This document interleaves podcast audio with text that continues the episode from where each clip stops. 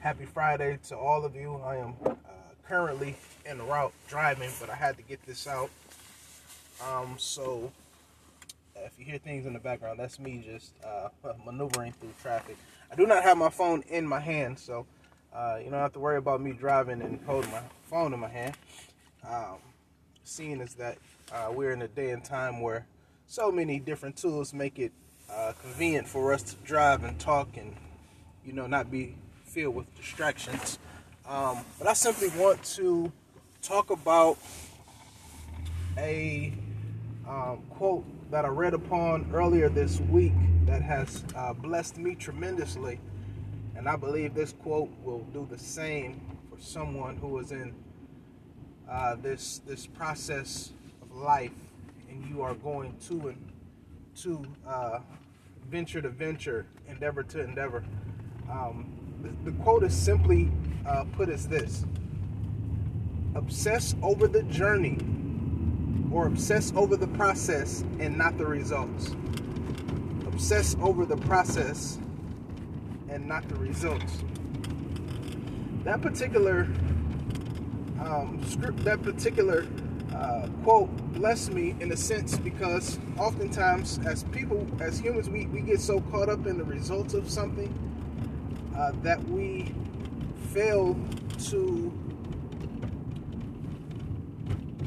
embrace or love the process.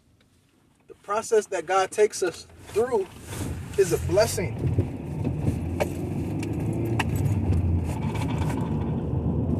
The people that we network with, the places that we have the privilege of going, uh, things that we have opportunity to experience, those things bless us along the way and I believe that it is vital for us to find the passion to love the journey and not the results. Yes, we all want results. Yes, we want to see uh, instant results. Yes, we want to see uh, things change overnight, but that's not how life works. For instance, yeah, maybe you have goals of losing 50 pounds in a certain amount of days and and of course, you want the results. You want the, the abs. You want the, the, the triceps and the biceps. You, you want all of that. Um, but embrace the journey. Embrace those days where you you know you struggle to get to the gym, but you pressed your way. Embrace the conversations you may have had while you were working out in the gym.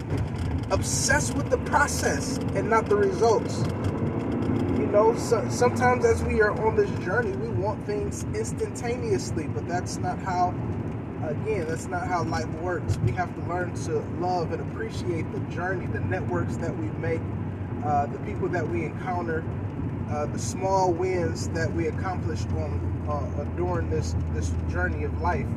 Um, if we learn to appreciate that a little bit more, I believe that we would enjoy life more.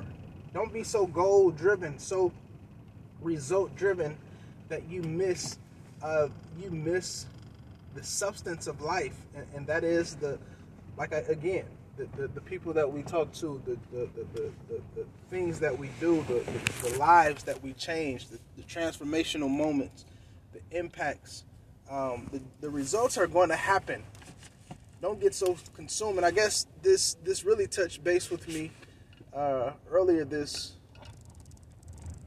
uh, earlier this week because last week was a pretty discouraging week. But I made it through. And and I was so consumed on how I thought something should have turned out. Uh, and it did not turn out the way that I thought it should. And as a result of it not turning out the way that, that I thought it should turn out, I was a little discouraged. And I was ready to throw in the towel.